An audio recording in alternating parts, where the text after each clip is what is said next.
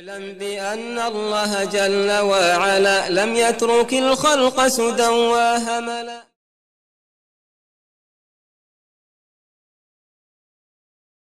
بسم الله الحمد لله الصلاة والسلام على رسول الله. أستعين بالله لا حول ولا قوة إلا بالله. اللهم لا سهل إلا ما جعلته سهلا وأنت تجعل الحزن إذا شئت سهلا. اللهم أرنا الحق حقا وارزقنا اتباعه. وأرنا الباطل باطلا وارزقنا اجتنابه ولا تجعل الحق ملتبسا علينا فنضل. اللهم آت نفوسنا تقواها وزكها أنت خير من زكاها أنت وليها ومولاها برحمتك يا أرحم الراحمين. ربنا لا تزغ قلوبنا بعد إذ هديتنا وهب لنا من لدنك رحمة إنك أنت الوهاب. اللهم اجعلنا هداة مهتدين غير ضالين ولا مضلين. يا أكرم الأكرمين اللهم يسر ولا تعسر اللهم بارك وتمن بالخير لا إله إلا الله ولا حول ولا قوة إلا بالله أما بعد Sva hvala i zahvala pripadaju samo Allahu, gospodaru svih svjetova. Salavat i selam na Muhammeda, poslanika Allahova i sve one koji se drže puta Allahova i suneta Rasulova na sudnjega dana. A zatim, nakon što je šeheh Rahimahullah počeo sa govorom o temeljnim ibadetima na koja se naslanja čitavo vjerovanje. I svi ostali vidovi ibadeta, počevši od ljubavi, straha, prelazi na sljedeći koji je i tekako bitan vid ibadeta, odnosno ibadet, srčano dijelo za koje učenjaci Selefa kažu da objedinjuje cijelo vjerovanje. Dolazi na temu govor o tevekulu ili oslanjanju na Allaha subhanahu wa ta'ala. Uzvišen je Allah subhanahu wa ta'ala je stvorio ljude da vjeruju. A vjerovanje je ubjeđenje riječi djelo. Ili vjerovanje u Allaha to jest njegovo biće, njegove knjige, meleke, poslanike, sudnji dan, to jest povratak Allahu iz presudbu i nagradu i kaznu, te Allahu subhanahu wa ta'ala odredbu. Te djelovanje po tom vjerovanju kroz obavljanje namaza, davanjem zekata, post Ramazana, hađ Allahove kuće, sve ono što je Allah subhanahu wa ta'ala naredio da se čini koliko insan može i što je zabranio da se čovjek trudi da sve to ostavi. Od vjerovanja u Allaha subhanahu wa ta'ala, to je njegovo biće, podrazumijeva vjerovanje u Allahovo subhanahu wa ta'ala postojanje, njegovo savršenstvo, odnosno samo njegovo savršenstvo, to da je samo Allah subhanahu wa ta'ala stvoritelj i gospodar stvorenjima i da su stvorenja nužno povezana i ovisna o Allahu i to im je ujedno i najveća naredba tako da se stalno na Allaha svjesno ili nesvjesno vraćaju. Oni mu svakako ovise i njega trebaju i moraju ako sretni hoće da budu na oba svijeta da obožavaju. Insan obožava Allaha zato što je stvoren ko rob, treba mu Allah, divi se, voli ga, nada mu se, ponizanje pred njim, veliča ga. I obožava Allaha subhanahu wa ta'ala također, e, Ja, to je sve prvo što je spomenuto vezano za savršenstvo Allahovo, i obožava Allaha subhanahu wa ta'ala to što je Allah gospodar, pa Allah sve posjeduje, svim upravlja,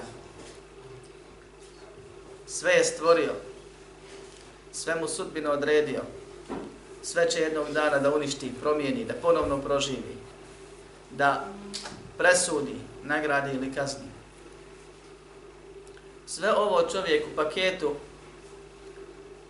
priznaje, prihvata, potvrđuje kad kaže ašhadu an la ilaha in Allahu, ašhadu anna Muhammadan Rasulullah, kada ulaze u islam. prihvata Allaha za gospodara i za Boga, to jest da samo njega obožava, vjerujući u njegovo savršenstvo i gospodarstvo, jer to su razlozi zbog čega se Allah subhanahu wa ta'ala jedino obožava, kada bi bio neko još pored njega savršen i kada bi bio gospodar, njegovi robovi bi ga morali obožavati, ali pošto je to nemoguće, kao što Allah u Kur'anu spominje, onda samo to pripada Allah jednom i jedinom. Obavezuje se da će raditi po onome što Allah subhanahu wa ta'ala od njih zahtjeva u smislu izražavanja naređenog uklonjenja zabranjenog. Vjernik je vjernik zato što vjeruje. Vjernik vjeruje Allahu, u Allaha i samim tim mora da vjeruje Allahu. I to je bitna stvar. Ono što razlikuje i odvaja vjernika od munafika je vjerovanje Allahu. Prije svega u istinitost Allahova subhanahu wa ta'ala obećanja. Pa što Allah obeća, to je istina. I to će se sigurno desiti. I tako će sigurno biti. Allah mnoge stvari na izgled čudne i nevjerovatne stvari obećava i na dunjaluku vjernicima i na ahiretu. I prijeti nevjernicima i na dunjaluku i na ahiretu. Pa se neukom čovjeku, kratkovidnom insanu, koji slabo poznaje Allaha subhanahu wa ta'ala i njegove osobine, još slabije propise njegove vjere, učini da neke stvari nisu onako kako su spomenute. Drugi čovjek slabog imana traži mudrost u svemu i traži razlog, pa se pita što je to tako, ja ne mogu da to prihvatim, ako je to tako i tome slične stvari, a problem se vraća na našu kratkovidnost, na našu nesposobnost, na našu ograničenost, a ne na Allaha subhanahu wa ta'ala i savršenost njegova bića, njegovih osobina, njegovih dijela, njegovih propisa i njegove odredbe. Mi smo robovi. A rob robu je rabu, gospodar. I rob u potpunosti ovisi o rabu. U robovlasičkom sistemu, ako rob odjegne od raba, ko prvi ga uhvati, vrati ga rabu. Nema gdje pobjeći. Svi znaju da je to njegov. Pa ga njemu vrati. Kad dođe rabu, onda je ona milost i nemilost raba, hoće li mu se smilovati ili neće. Rab se kaže, gospodar na arapskom jeziku. Naravno, misli se ograničenom smislu, gospodar onoga koga posjeduje.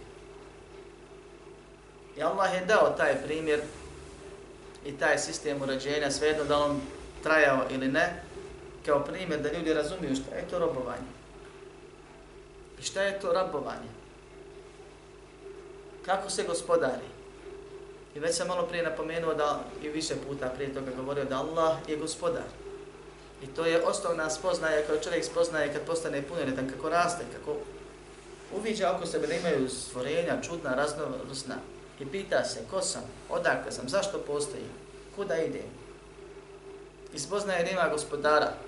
Pa onda kroz ta dijela gospodareva i njegova stvorenja spoznaje da je taj gospodar savršen. I još kad bude podučen, onda nauči propise vezane za ibadet gospodara pa posvjedući sa objeđenjem, sa znanjem, svjestan, želeći to, voleći to, htijući to, iskreno, da nema Boga sam Allaha i da je Muhammed sallallahu alaihi ve sallam njegov poslanik. Rob je ovisan o Allahu. Mi smo vjernici, mi smo robovi. Živimo na Allahovoj zemlji, u Allahovom vremenu, u Allahovom prostoru u tijelima koje nam je Allah dao, životom kojim Allah subhanahu wa ta'ala upravlja i njega je dao, životom kojemu je Allah subhanahu wa ta'ala odredio rok trajanja. Mi na to ne možemo uticati da hoćemo. Čovjek ne može svoj, svoj, svoj život da oduzme sebi ako mu nije suđeno. A kamo li da ga produži i da sebi daje zamijeni i onaj koji je svjestan ove stvari, one su poznate, svi mi njih vjerujemo. Samo je pitanje koliko insan svjestan, koliko doživljava tu stvar, koliko mu naumpada kad mu treba. Taj nema ništa drugo i ništa mu ne preostaje drugo osim da se oslanja na Allaha subhanahu wa ta'ala u svemu. I oslonac je jedan od najvrijednijih, najkorisnijih ibadeta, najsevapniji s jedne strane i usko je vezan za sreću čovjeka na ovom svijetu Kaže Allah subhanahu wa ta'ala فَإِذَا عَزَمْتَ فَتَوَكَّنْ عَنَ اللَّهِ Kad odlučiš, to čovjek planira, razmišlja, bil ne bil, kad odluči, na Allaha se sloni i kreni i završi to što se počeo. A ako ne odlučimo, ne znamo, onda ima uputa poslanika Muhammeda sallallahu aleyhi ve sallam. Jer samo nas jedan može usmjeriti. To je Allah. Kaže, i da hem ahadukum bi emrid, kad neko od vas nešto hoće, planira, razmišlja o tome, nije samo ideja došla, nego htio bi to da uradi, ali ne zna, treba, ali ne treba, je vakat, nije vakat, je to dobro za njega ili ne, neka klanja dva rekiata namaza, pa nakon što završi namaz neka prouči sljedeću dobu, to jest neka klanja istihara namaz. U kome se traži od Allaha subhanahu wa ta'ala da nas usmiri, da nas odlučnim učini. I nakon toga kreneš da radiš tu stvar. Pa ako bude dobro to za tebe, Allah će ti omogućiti olakšati, kao što stoji u dovi samo. Ako bude to loše za tebe, Allah će te spriječiti, to je rezultat istihare. Ne trebaš ti ništa da usniješ, osjetiš, vidiš, čuješ, primijetiš i tako dalje. Samo ono kako se odvije situacija, to je rezultat. Čemu tebe se traži da se odlučiš, a zatim da se na Allaha osloniš i da budeš zadovoljna sa njegovom odredbom nakon toga šta god se desi. Makar se privremeno ispostavilo da je to zlo za tebe, u konačnici to je dobra stvar. Ako ne shvatiš na ovom, sigurno ćeš biti ubijeđen i vidjet ćeš na onom svijetu da ono što se uradio nakon istihara namaza je dobro za tebe kako god se odvila dunjalku. Čovjek je stalno ovisan o Allah i stalno potreban se na njega osloni. Kad krene, osloni se i radi. Kad ne zna, pita Allah da ga usmjeri, pa krene, osloni se i radi. Došlo je u hadisu, neka se niko od vas ne odlučuje ni zašto dok ne upita Allah. Trebate savjet, pita onoga ko sve zna kako da pitamo Allaha istihara namazu. I to je jedan praktični primjer oslanjanja na Allaha subhanahu wa ta'ala. Šta je oslonac koji Allah od nas traži? Kaže, to je vezanje srca ili da se tako izrazim ponovno, oslanjanje srca na onoga koji, za kojeg vjeruješ da sve posjeduje i sve ti može dati. Jer u jeziku je oslanjanje jezički, a na arabskom, u arabskom jeziku, priznavanje ovisnosti, nesposobnosti, nemogućnosti sebi i potvrđivanje toga nekome drugom, pa pozivanje njega u pomoć i vas dvojica zajedno uspijete to uraditi, a priznaješ time da ne bi ti mogao bez njega. To znači jezik oslonice. Pod pomoć se nekim, ali ne samo pod pomoć, jer pod pomaganje je druga tema, o njoj smo već govorili traženje pomoći. Ovdje se radi da ti srcem priznaješ svoju slabost, a njegovu sposobnost, pa tražiš onoga ko ti može pomoći i tako dalje. To je jezik u dunjaločkim stvarima. U šarijatu to poprima stvarno značenje, tako što čovjek priznaje u potpunosti svoju nemoć. Ne samo ograničenost, nego nemoć. Mi ne možemo okom trepnuti bez Allaha. Dok ovom dunjaločkim stvarima mogu nešto uraditi, ali ne znam to drugo ili ne mogu, pa da mi ti pomozi u tome što ne mogu. Ali nisi po priznao nemoć. To je u odnosu roba sa robom. Čovjeka sa čovjekom, vjernika sa vjernikom i tako dalje. Dok odnos rab, rob, rab je potpuno drugi. Potpunosti priznaš svoju nemoć i to je prvi korak za uspjeh. Bilo koje vrste. I onda Allahu priznaš sve moći. Vjerujući da je on savršen, da on sve posjeduje, da on sve ima, da on jedini sve može dati. Da ono što on da, niko ti ne može oduzeti. Ono što ti on zabrani, niko ti ne može dati i ne treba ti, ne valja za tebe to. Nije dobro. Ne koristiti, štetiti, makar ti to izgledalo najbolje nešto.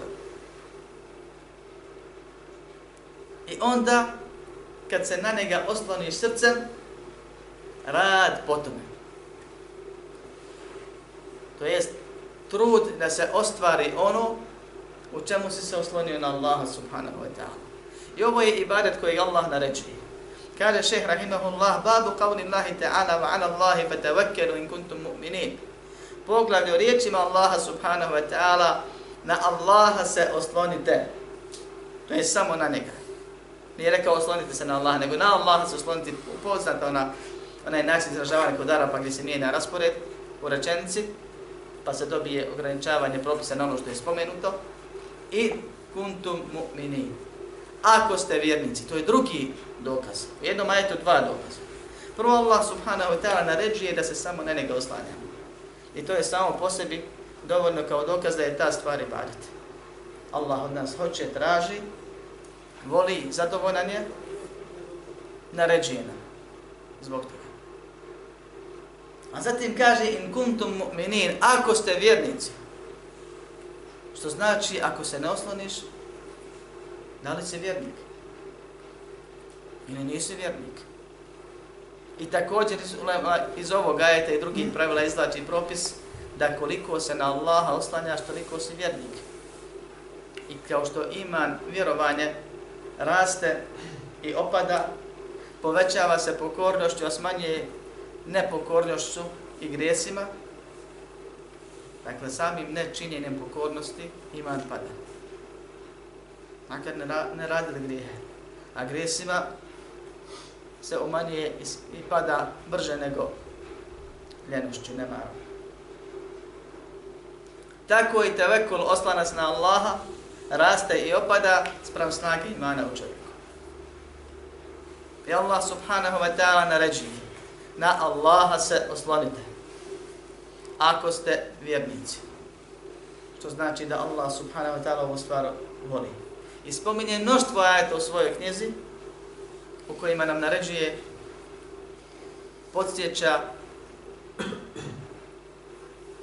na ovu stvar, na tevekur, na oslonac na Allaha subhanahu wa ta'ala jednog jedinog. Kaže Ibn Kajim rahimahullah, oslonac na Allaha podrazumijeva vjerovanje i djelovanje srca.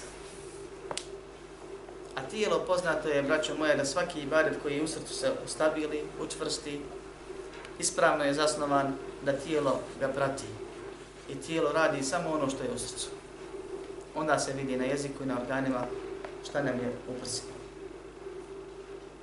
Ali ovdje znači srčani ibadet dones dijelo srca, niti vjerovanje srca, pošto srce može da vjeruje i da djeluje. Nego i jedno i drugo kod tebekula. Neki ibadet su samo dijela srca. Neki su znanje srčano. Spoznaje. Dok tevekul je spoznaja i djelovanje. Kako to? Spoznaja onoga što vjernik vjeri, ja sam u uvodu ovog predavanja odužio da nas posjetim svih tih stvari, svim tim stvarima koje se jedna na drugu naslanjaju, vjeruješ da je Allah savršen, da je On stvoritelj, da je On gospodar, to je da svim upravlja, sve posjeduje, da te stvorio, da si ti rob stvorenja, da ne možeš maknuti bez stvoritelja, da ćeš se njemu vratiti, pred njim račun položiti, odnosno polagati, da svo to vrijeme on te izdržava, obskrbljuje, čuva, štiti, iskušava. I istovremeno ti svakog dana zabranjuje i naređuje i zato će te pitati. I to čovjek vjeruje. A suština kada je pitan te veko, najbitnija stvar, kod Allaha je sve. On svim upravlja. Sva šteta je kod Allaha, koga hoće iskušati ime nečimo. Sva korist je kod Allaha. Niko ti ništa ne može dati ako ti Allah ne da. Niko ti ništa ne može oduzeti ako ti Allah da. I to srce vjeruje. I zbog toga se samo na njega, ne na bilo koga se njega oslanja. Kako da očekujemo od nekoga ko nema? Kako će ti dati ako sam nema? Kako će ti pomoći ako sam ne može? Ako je sam ovisan? Ako je stvorene? Ako ima on, on nekog, nekoga o kome ovisi? I djelovanje srca je smirenost koja je prozilazi iz te spoznaje. Allah je obskrbitelj, primjer obskrbe. Bilo koja druga stvar. Čovjek se oslanja na Allah u svemu. Primjer obskrbe. Allah je obskrbitelj. Allah je stvorio, stvorio sve prije nego je stvorio nebesa i zemlju. Zapisao su sve. Odredio su prije svemu. Allah je odredio moju i tvoju obskrbu prije nego nas je stvorio. Allah je tu obskrbu zapisao. Obskrba će čovjeka stići. A Isus se kaže na faka čovjeka traži kao što ga traži smrt. Kad ne nestane na faki, dođe smrt. Gotovo je. Ne može živjeti bez nafake. I zašto ja da se nadam od nekog stvorenja, da se vežem na stvorenje, da se oslanjam na stvorenje, koje samo živi i jede svoju nafaku. Ne može je sebi ni povećati ni smanjiti. Ko što ni ja ne mogu. Ja moram da tražim, da se borim. Jedno je raditi neku stvar, praviti nešto, a drugo se osloniti na onoga ko upravlja svim da će ti to omogućiti. I to mora istovremeno da ide zajedno, govorit ćemo o tome ako Bog Ali osloniti se na svoj rad ili na onoga kod koga radiš, u traženju onoga što, s čim on nema nikakve veze, jer nije on taj koji propisuje i određuje, je besmisleno, razumski i strogo zabranjen šarijetski. Zato čovjek, vjernik, zna da je Allah sve dao, da Allah sve daje, da je Allah sve odredio, da Allah svim upravlja, da Allah sve posjeduje, da je Allah već propisao, gotovo je, savršeno. I traži ono što je kod Allaha i smiren je. Ne divlja, ne plaši se, nije uznemiren. Može da spava po tom pitanju, rahat.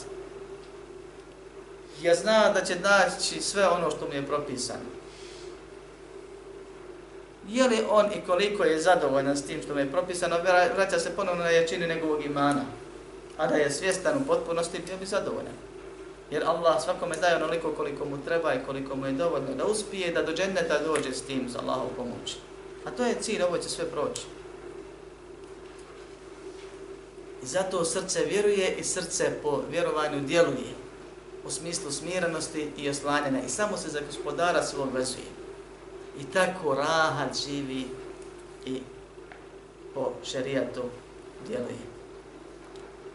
Kaže Allah subhanahu wa ta'ala wa ala Allahi fatawakkalu in kuntum mu'minin i to ajet se spominje u suri Majde u priči kada je Musa naredio svom narodu nakon svih onih iskušenja koja su prošli i vidjeli Allahova čuda da uđu u određeno nasjene u kome su bili jaki ljudi koji su upravljali time i ako uđu bit će oni sigurni, slobodni, vladati time i tako dalje. Nije ove samo da uđu,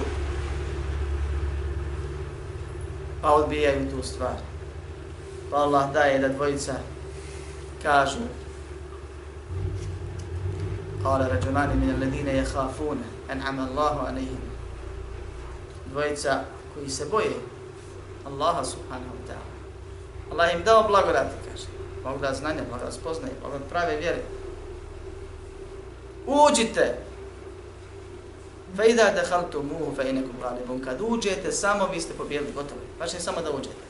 Wa ala Allahi fatawakkalu in kuntum mu'minin. Allaha se oslonite ako ste vjernici. Šta se od njih traži, braćo moje ovdje? Da urade ono što je propisano i da se na Allaha oslone i da ne brinu. Šta se od Merijeve tražilo kada je rađala Isa i bila u nesnosnim bolovima, kada je rekla ja lejte ni mitu kable hada kuntu nesjemen sinja. Da sam Bogom umrla prije ovoga i u zaboravu bila, nisam postojala nikako da Ozi neki veđet in nahna. Protresi sta, palmino stablo. Na ga nogom udariš, možda bi šta spalo. Tvrdo stablo, jako se da se pokreni. Protresi, tvoje uradi što možeš. Allah će dati rezultat. Pa padnu plodovi. Padnu svježe datune. Od nemoćne žene u posebnom stanju. Samo je da protrese malo. Da uradi ono što je propisano. Rečeno je to, uradila je to, dobila je rezultat. U ovom slučaju uđite i na Allaha se oslonite, ne bojte se ti. Bit ćete pobjednici, kažu, idi ti i tvoj gospodar, borite se, mi ćemo ovdje čekati.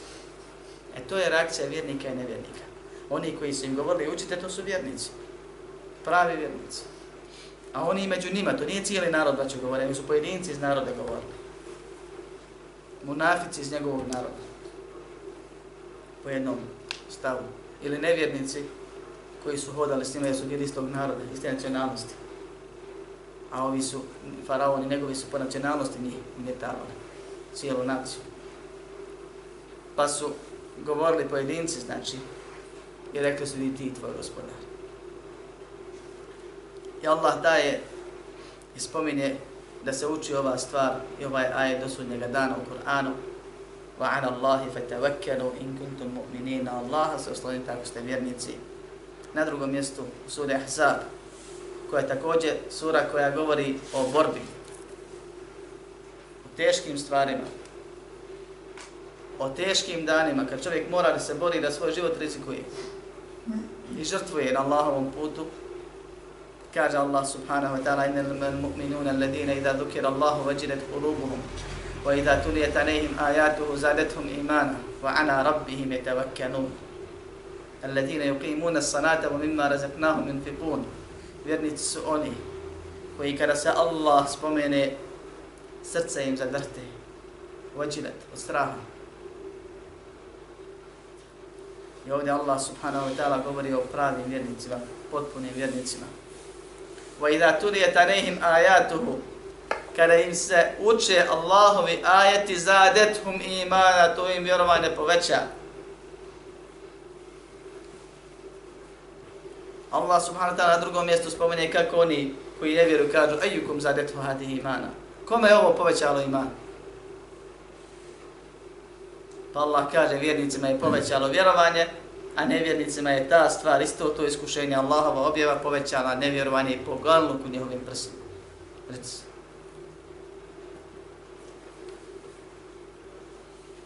Vjernici su oni koji, kada se Allah spomene, zadrste im srca i kada se njegovi ajeti uče, povećava im se iman, u čemu je dokaz vjerovanja ehli sunnata val džemaata, da se iman povećava i smanjuje, povećava pokornošću, smanjuje grešenje a da je jedna, braćo moja, od najvećih, spoz, najvećih stvari kojima se povećava iman od dobrih, dijelama, od dobrih dijela spoznaje Allaha i učenje i znanje. I to je prvi, prvo saznaš pa povjeruješ, to su već dvije, dva razloga povećanja, povećanje, pa onda primjenjuješ, to je već treći razlog za povećanje imana. Wa ala rabbihim tawakkalun. I samo se na svoga gospodara, gospodara oslanjaju. Oni koji namaz koji o namazu brigu vode i dijele od onoga čime smo ih obskrbili. I ovdje je dokaz gdje Allah subhanahu wa ta'ala opisuje vjernike, jedna od njihovih osobina koja je bitna za nas jer je to tema predavanja, da se oni samo na Allaha oslanjaju.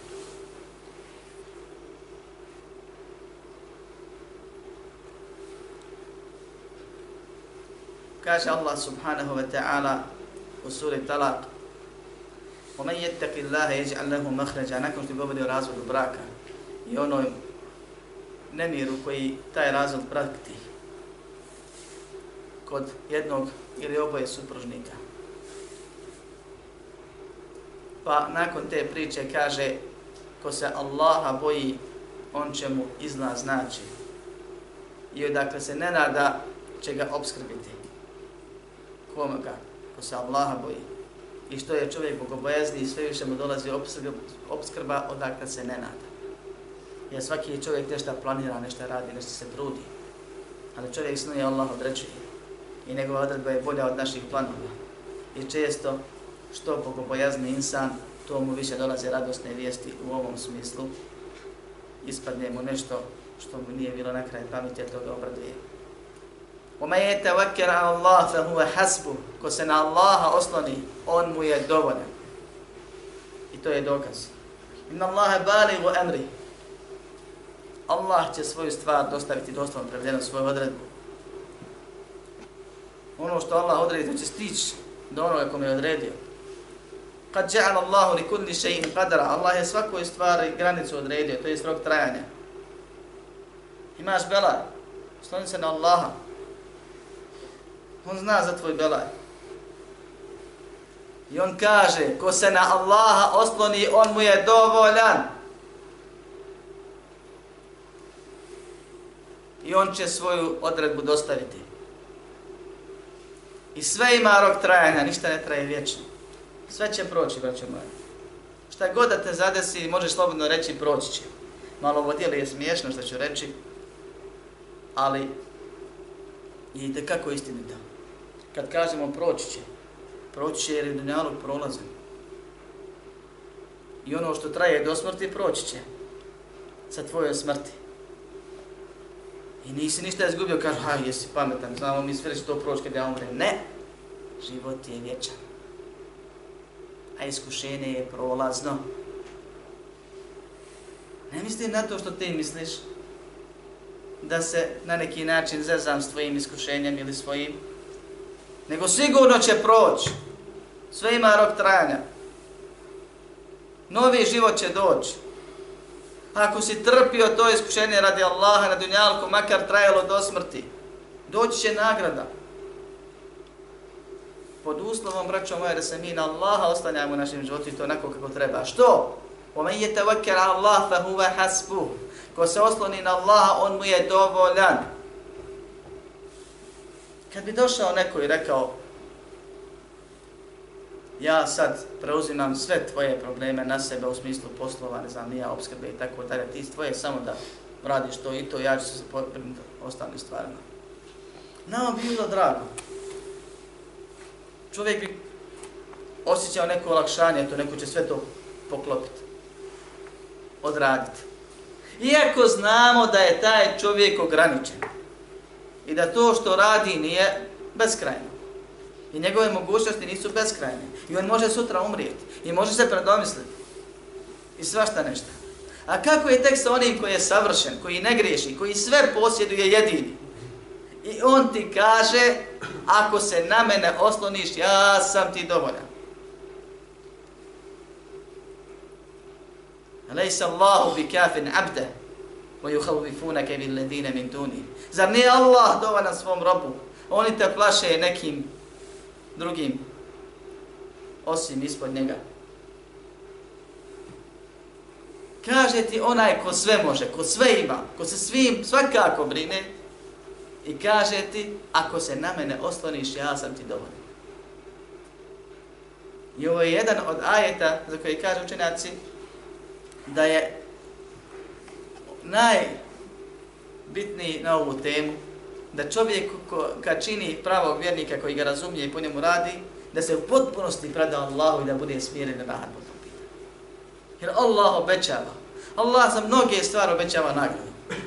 Ko posti dan Allahovom putu, Allah će udaliti njegovo lice od 270 godina.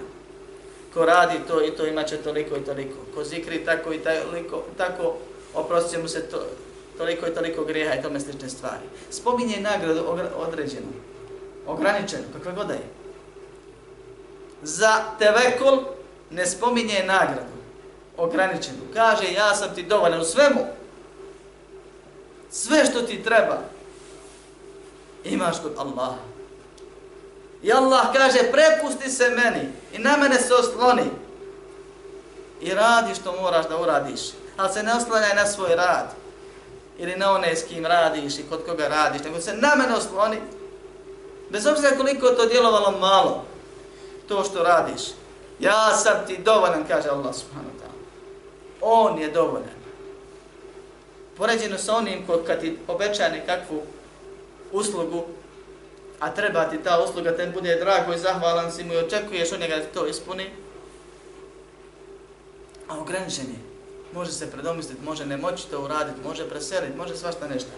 Kako je sa onim koji je živ, nikad ne umire, koji svoje obećanje ispunjava, koji je u stanju sve što hoće to uradi i koji ti obećava, osloni se na mene, ja ću ti, ja sam ti dovoljen. Od Ibn Abbas se prenosi, a Bukharija između ostalih bileži, u komentaru riječi Hasbunallahu wa ni'mal vakil. Dovoljan nam je Allah, divan je on zaštitnik. الذين قال لهم الناس إن الناس قد جمعوا لكم فاخشوهم imana wa وقالوا hasbunallahu الله ni'mal الوكيل Oni kojima su ljudi rekli, to je došao im je čovjek kao predstavnik ljudi. Koji ljudi? Mušlika. Mekke. Kad? Nakon, ili neposredno nakon bitke na Uhudu. Skupili su se i pokrenuli protiv vas. To jest, vraćaju se da vas dokreće. Pa se uplašite. To jest, to je bio cilj, im tako rečeno. Rečeno im je, pazite se i tako dalje. A s ciljem da ih zaplaše to im je vjerovanje povećalo. I šta su rekli? Hasbun Allahu wa ni'mal wakil.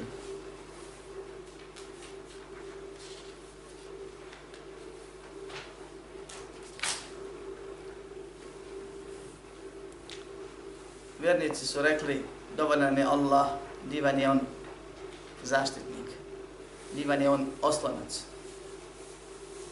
On je taj koji se o svemu brine.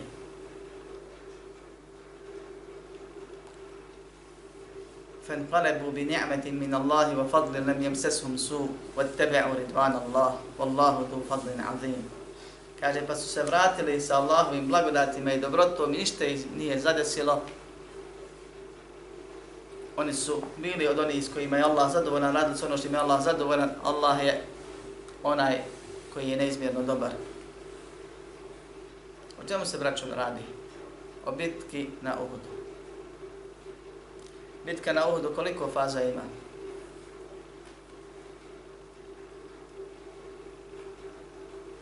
Dvije. Je li bitka na Uhudu poraz ili pobjeda? Kako pobjeda ako ima dvije faze? Pa bila je pobjeda, pa ne je pobjeda. Nerešeno, veliš. Ne može biti nerešeno. Bitka je li dobiješ ili izgubiš. A nije nemoguće da poslanik izgubi. Nije nemoguće da muslimani izgubi.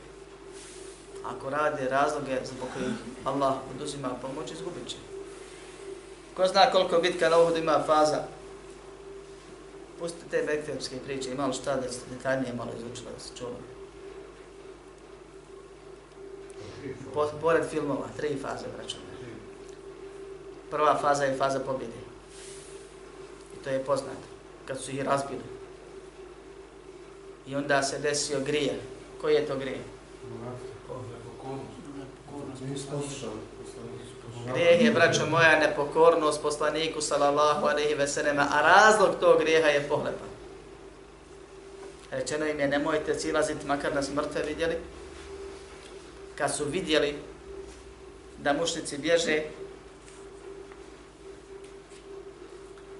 kad su vidjeli da mušnici bježe,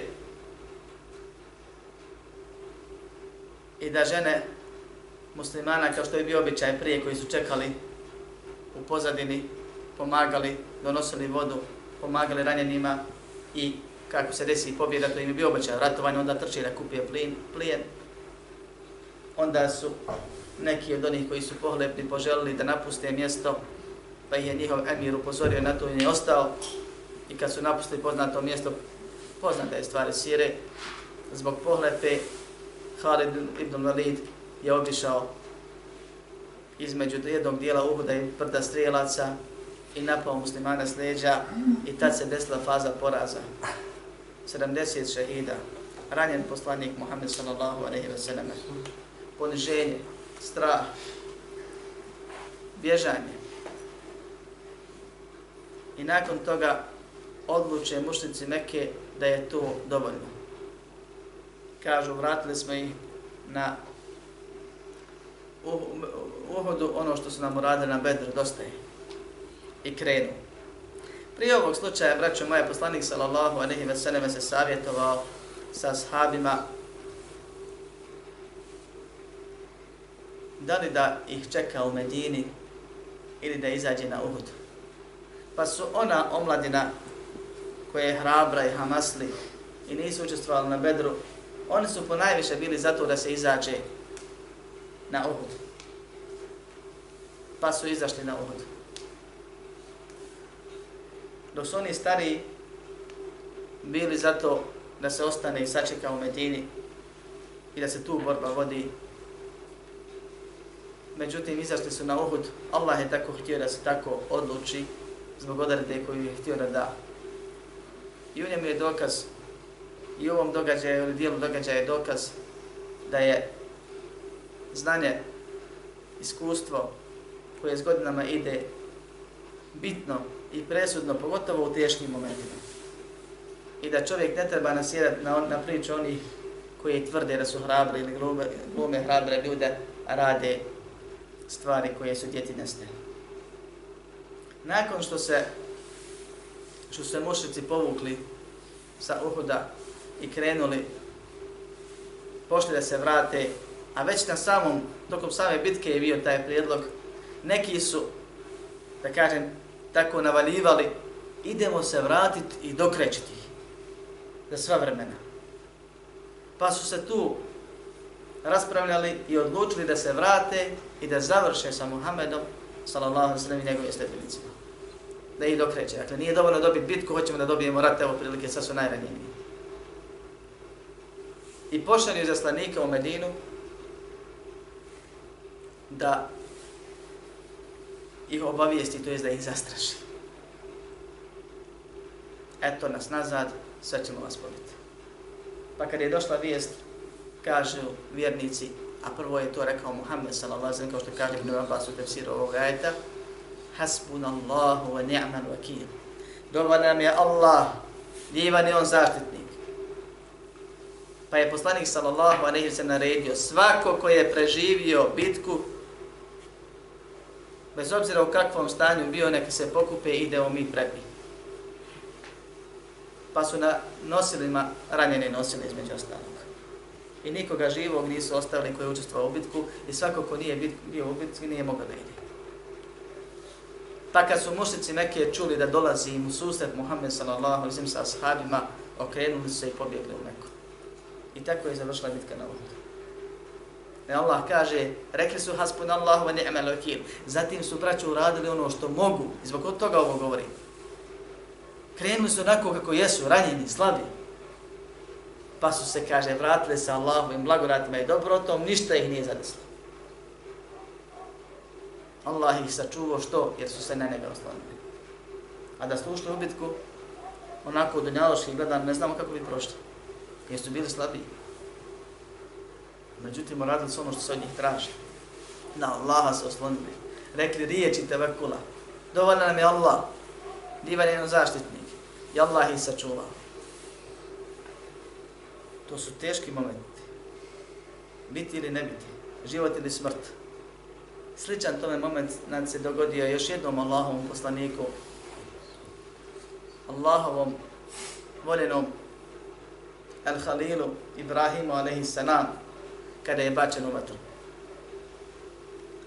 Prenosi se da kada je bačen u vatru i dok je letio, katapultiran je bio u vatru, dok je letio prema plamenu, došao mu je melek i rekao treba li ti šta? Pa mu je odgovorio što se tebe tiče, od tebe ne treba. Dovan nam je Allah, divan je on zaštitnik. Dovan nam je Allah, divan je on zaštitnik. Pa je Allah rekao vatri kuni berden vasename, budi hladna i spas pa je ušao i boravio u vatri i najbolje dane svog života proveo i vadeći u vatri. Nakon što je rekao ove riječi. Braćo, moja čovjeku, vjerniku je propisano da svoje srce u potpunosti veže samo za Allaha subhanahu wa ta'ala i to je ibadet. I ako bi tako se vezao za nekoga drugoga, to bio veliki širk. Čovjeku je također propisano da se podsjeća na ovu stvar tako što će u teškoćama da govori riječi tevekula hasbi Allahu wa ni'mal wakil i stalno da govori ono što je što zašto nam je nagrada obećana u vidu džennetskih riznica la havla wa la kuvvete ila billah o tome sam govorio što znači nema promjene stanja niti snage zato osim sa Allahom za Allahovu pomoć. I to je samo po sebi tevekul da kada se odluči za nešto na Allaha se osloni, kada je neodlučan od Allaha traži odlučnost i rješenje istiharom i propisanim stvarima i da radi ono što će mu pomoći da ostvari svoj cilj, da radi uzroke. I zato neki učenjaci veliko definišu kao oslonac ili vezivanje srca za Allaha uz rađenje uzroka. A drugi kažu rađenje, rađenje uzroka je stvar koja nužno proizlazi iz tevekula, nije ona tevakul. Osnova tevakula ti sveže srce za Allaha, da znaš da su ti je propisan nećete umaći. I samo Allah može dati. I od njega očekuješ. I drugih se ne plaćiš po pitanju onoga što ti Allah jedini može dati. I od njeg se nadaš. I od njeg strahuješ i tako dalje. Ali se traži od čovjeka da djeluje. Zato ima Mahmed kaže, rah, rahimahullah, onaj ko misli da je dovoljno da se samo osloni na Allaha srcem i da sjedi u kuću, u kući to je ahmak. Našim rečima to je budala. I zaista je tako. To čovjek se traži da radi. Da radi uzroke za ono što traži, što hoće. Bilo se radi o obsirvi ili nečemu drugom. Ali se od čovjeka traži da se prilikom rađenja uzroka samo na Allaha osloni. Pa onaj ko se osloni na uzrok, vjerujući da je ta uzrok Allah dao, počinio je mali širk. Ne izvadi iz vjere, ali je veći od velikih grijeha. I prepušten će biti uzrocima. Što može zaraditi? Toliko ti je. Allah je znao naprijed, pa mi je tako i propisao. Eto ti nek ti dao taj ko. Pa će biti prepušten na milost i nemilost svom gazdi, svom poslu i tako dalje. Ko svoje ubiđenje sveže za nešto, on tome bude i prepušten koji što došlo u hadisu kad smo govorili o hamalijama i drugim stvarima. Pa je ispravno razumijevanje tevakula potpunosti oslanjanja Allaha subhanahu wa ta'ala, ko bi se tako oslonio na neko drugo počinio bi širk, rađenje sebeba uz oslanjanje na Allaha, ne na za sebe.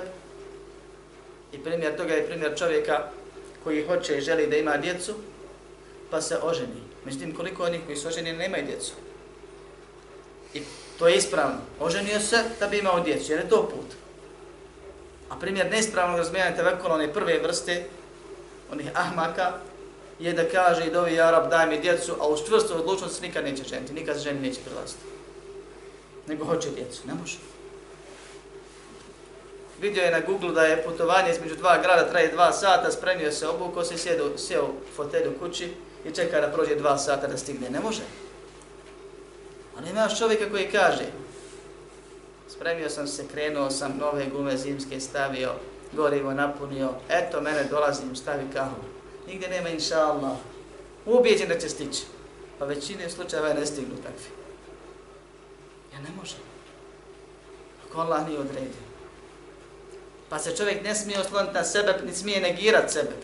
Neko mora i treba raditi sebe uz oslanac na Allaha. I sebe bi onakav kakav možeš. Poslani zem vodi ranjenike u bitku. Od Merijeme se traži da onako slava pomjeri palmino drvo da zdrese. A onaj ko može više od njih se traži ono što može. Allah ne optrećuje preko mogućnosti, ali optrećuje do mogućnosti. I da se čovjek stalno podsjeća na riječi tevekula, kad te zadesi neki belaj, reci hasbi Allahu wa ni'mal vakil, sjeti se, Allah će sigurno da ti izlazi jer Allah je dovoljan onome ko se na njega osloni. Molim Allaha subhanahu wa ta'ala da nam povećava i poveća i povećava iman i oslon nas na njega, da nas usmrti onda kad je zadovoljan s nama, da nas uvede u džennet, a sačuva džehenneme džehennemske kazne, da oprosti naše grehe, grehe svih vjernika i vjernica. Amin. Alhamdulillahi rabbil alamin.